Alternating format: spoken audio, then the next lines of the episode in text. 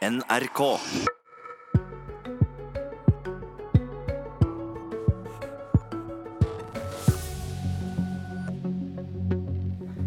Hvor mye frustrasjon, sinne, tårer og utholdenhet må til for å danne ny regjering?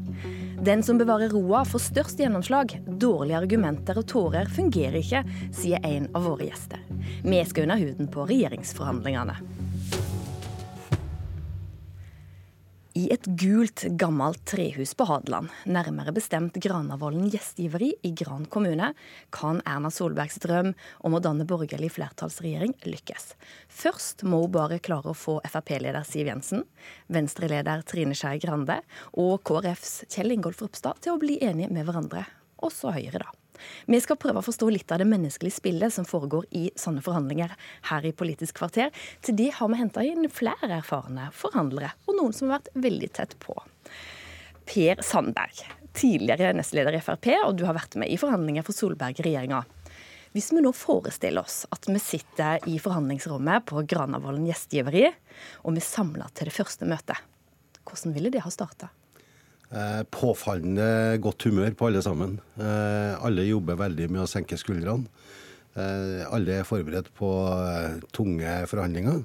Høy temperatur, og derfor er det påfallende hvor viktig det er for alle å legge det gode humøret fram umiddelbart. Jeg regner med det er både Twist, sjokolade og litt forskjellig som går rundt bordene innledningsvis.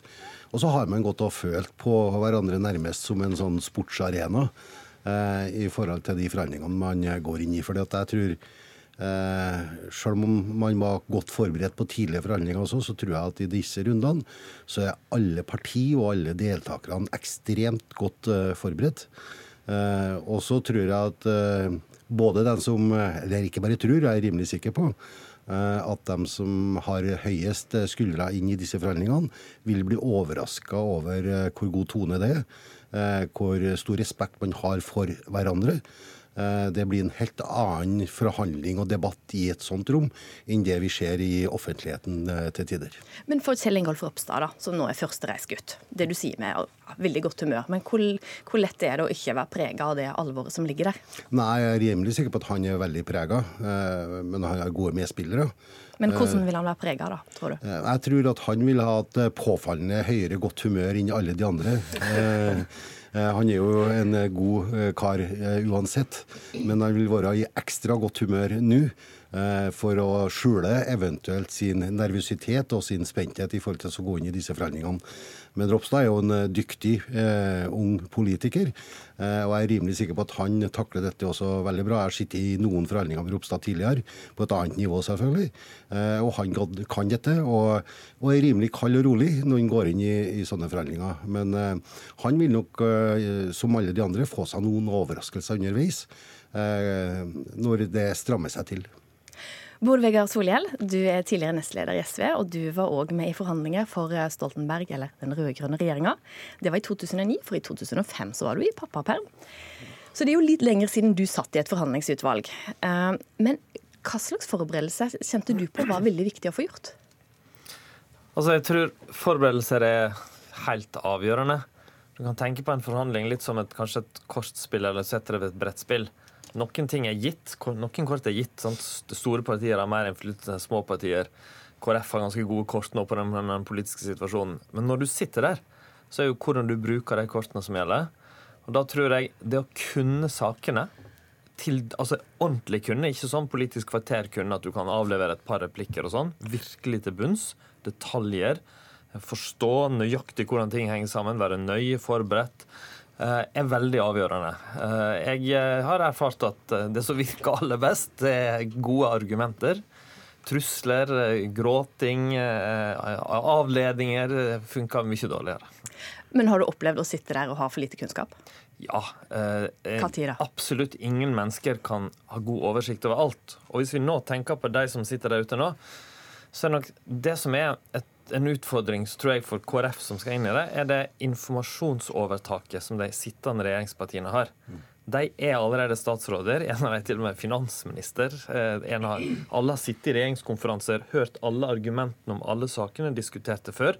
De er embetsverk som de bestemmer over, kan bestille notater, og få opplysninger opp. Eh, og Det er det mest krevende for det nye partiet. At det sitter to som har vært der i fem år, ett parti som har vært der i ett år, og så de nybegynnerne. Ja, og KrF, da, som har hatt en litt turbulent høst og kanskje har måttet bruke mye tid på å roe, mm. eh, roe for ro i rekkene. Hvor, hvor eh, stort handikap vil de stille med Altså er, for, for, meg framstår det som kort forberedelsestid, men det gjelder jo alle partiene. Det var jo overraskende for alle. Men, men de vi, har jo embetsverket sitt. Ja, det har det. Når vi gikk inn i regjering i 2005, og, og man kan diskutere hvor godt utfallet var, og sånn, eh, men vi syns det var godt. Men vi forberedte oss veldig, veldig nøye. Eh, vi hadde jobba systematisk med det i uh, borti et år. Hadde satt av egne personer til å jobbe med alle politikkfelt veldig grundig. Kristin Halvorsen, som er SV-leder, var ekstremt opptatt av det. Jeg vet at de andre partiene gjorde eh, det samme. Så Sånn sett så, så, er det klart at den veldig korte tida etter at det har skjedd nå, og den litt kaotiske situasjonen, er nok mindre forberedelser. Så, eh, så vi se hvor mye det betyr. Det er vanskelig å si. Sandberg, du nikka. Hvor stort informasjonsmangel jo, altså, vil det være? Jeg, jeg, tror jeg er enig i det at uh, de som allerede er i regjering, har uh, kunnskapsfordeler i forhold til å sitte der og sitte med grunnleggende kunnskap. Men så er det sånn i disse forhandlingene så deles jo alt.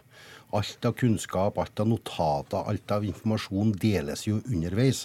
Så kan man si at det blir litt mer hektisk for, for KrF, som får dette lagt på bordet. Eh, de får mange runder med lesing og jobbing i bakrom osv.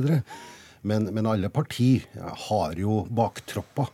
Eh, så man henter jo inn informasjon, man får observasjon, man tar runder, ekstrarunder for å gå i detaljene i de ulike sakene. Men så er jeg uenig med Lysbakken, for jeg syns ikke at Eller Solhjell. De er så like. De er like, da. Ja. Uh, uenig i det at KrF har en form for fordel. For jeg tror at uh, hvis det er noen av disse partiene som har en ledelse nå, som mener at Fremskrittspartiet har ledet 1-0 til pause, ut ifra nettopp den debatten som gikk i fjor høst.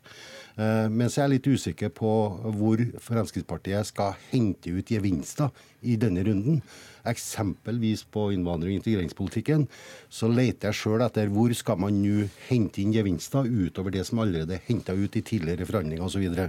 så jeg, jeg, føler ikke eh, at KrF har noen store fordeler i, i disse forhandlingene. Ja, og Vi skal snart slippe til en tidligere statsminister, men vi har òg Kristin Clemet her i studio. Du, har ikke i, du er leder i Civita. Du har ikke sittet i et forhandlingsutvalg, men du har vært tett på tre regjeringer som har klart å etablere seg. Det Sandberg sier her, da, med hvem som vil klare å hente ut eh, fordeler. Hva tror du, sånn som det ligger nå? Ja, Det tror jeg begge to kan ha litt rett. Men jeg tror KrF har en liten fordel i forhold til hva SV hadde i 2005. Og det er at KrF er et erfarent regjeringsparti. Selv om ikke de har sittet i regjering nå nylig, så vet de hva det vil si å sitte i, i regjering. Ellers er jeg helt enig i det som blir sagt her om forutsetningene for å få dette til. Godt humør hjelper veldig. Eh, det som hjelper, er selvfølgelig kunnskap, de gode argumentene. Man kan ikke grine seg til resultater, man er nødt til å argumentere for resultater. Men jeg vil nevne én ting til hvor jeg tror de har gode forutsetninger, og det er at det er veldig høy tillit mellom de menneskene som sitter rundt bordet. Man kan si at den tilliten mellom disse fire partiene fikk seg en liten knekk med den runden som har vært nå i høst. Eh, men så har de sittet i sonderinger og bygget opp tillit igjen. Jeg tror den personlige tilliten mellom de fire lederne av forhandlingsdelegasjonen er høy, og det er en veldig viktig forutsetning for å få til resultater. At du kan stole på de du forhandler med, og at uh, man vet at den andre er ærlig. Så det Per sier om at uh, regjeringen ikke sitter og holder på eller regjeringspartnerne da sitter og holder på kunnskap for seg selv, det er jo veldig viktig at man deler kunnskap og ærlig, uh, og at man så å si forhandler med den beste versjonen av motparten sin, ikke den verste versjonen. Når man har eh, politisk debatt i det eh, åpne rom, så er det ofte man fremstiller meningsmotstandere som verre enn de er, mistenker motiver osv. Det er det veldig viktig ikke å gjøre i en sånn sammenheng. Da må man legge til grunn den absolutt beste versjonen og tenke at du mener det du sier, eh, og at du er ærlig. Kjell Magne Bondevik er òg med oss. Du er i, i Tallinn.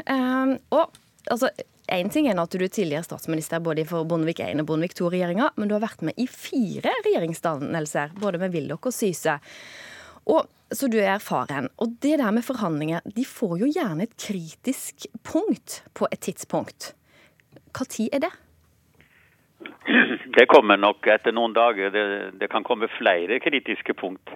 Uh, ellers så kan jeg bekrefte alt det de tre foregående har sagt uh, om viktigheten av å, å, skape en god stemning, bygge opp tillit. Og Derfor er også de uformelle samværene uh, på et sånt forhandlingssted som nå Granavolden veldig viktig. Ikke bare selve forhandlingsmøtene, men ikke minst kveldskosen og peiskosen og når de kanskje tar seg en drink osv. Og, så og, og skaper relasjoner eh, som da kommer til nytte i neste dags eh, møter. Men eh, det, kan, og det bygges ofte opp en veldig god stemning blant forhandlerne, og det er helt avgjørende for at det skal lykkes. Men det ligger også en fallgrube i det, nemlig at en blir på en måte i ei boble. Uh, en har jo fornuftig nok reist ut av Oslo.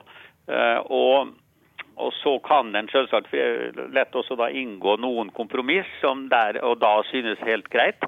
Men når de skal tilbake til sine partier, referansegruppa som de fleste vel har, stortingsgruppa, sentralstyret, så kan de risikere å møte kraftig motbør uh, og få kritikk. Og da er jeg inne på et annet punkt som vi opplevde ofte, og det er en sånn, uh, sånn tofrontskritikk som både forhandlere og senere regjeringsmedlemmer kan møte. En får kritikk fra de andre partiene for at en er for steil og ikke gir seg. Og Så drar en tilbake til partiet og sier at nå har vi oppnådd dette her, dette er jo bra. Og så får en kritikk fra partifeller. Dette var altfor uh, dårlig og for veikt. Så det, den skvisen tror jeg kanskje de kan komme til å oppleve nå også.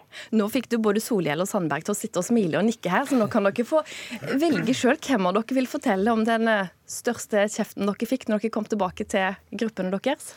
Nei, det er jo veldig riktig som Bondevik sier. På en måte så er det er jo hele poenget med en forhandling og alt det de to andre har snakka om, er å bygge en slags boble. Der man, der man går litt lenger enn man egentlig hadde tenkt å gjøre for å bli enige.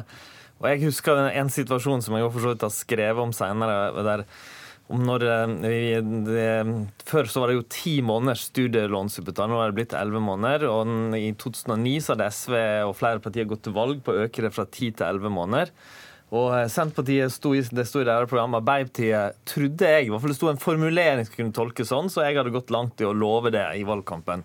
Når vi kom inn i forhandlingene, og alt det her gode liksom eh, lå der, så oppdager vi at Arbeiderpartiet nok hadde tenkt at det ikke skulle gå fra 10 til 11, det skulle bare betales ut over 11 måneder med like stort beløp som ti. Du ble lurt? Jeg ble, jeg, jeg, det, det ble godt håndverk. Ble lurt.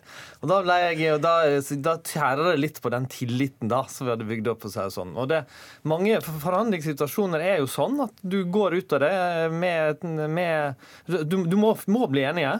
Så kommer du ut i den andre enden, så kommer det tøff kritikk som som eh, kan komme fra mange kanter. Hvordan resultatet blir bedømt, kommer litt an på hva, hvordan du legger opp forhandlingene. også, for Jeg hører av og til at eh, du kan gå inn på altså Prioriterer forhandlingene alt, eller konsentrerer seg om noen saker som det er viktig å få noe gjennom? Eh, skal de inngå masse grå kompromisser, eller skal de ha såkalte blanke seire? ikke sant? For de gir seg på noen områder, og så får de fullt gjennomslag på andre. Det blir jo diskutert litt av og til hva som er godt for baklandet eller partiene deres.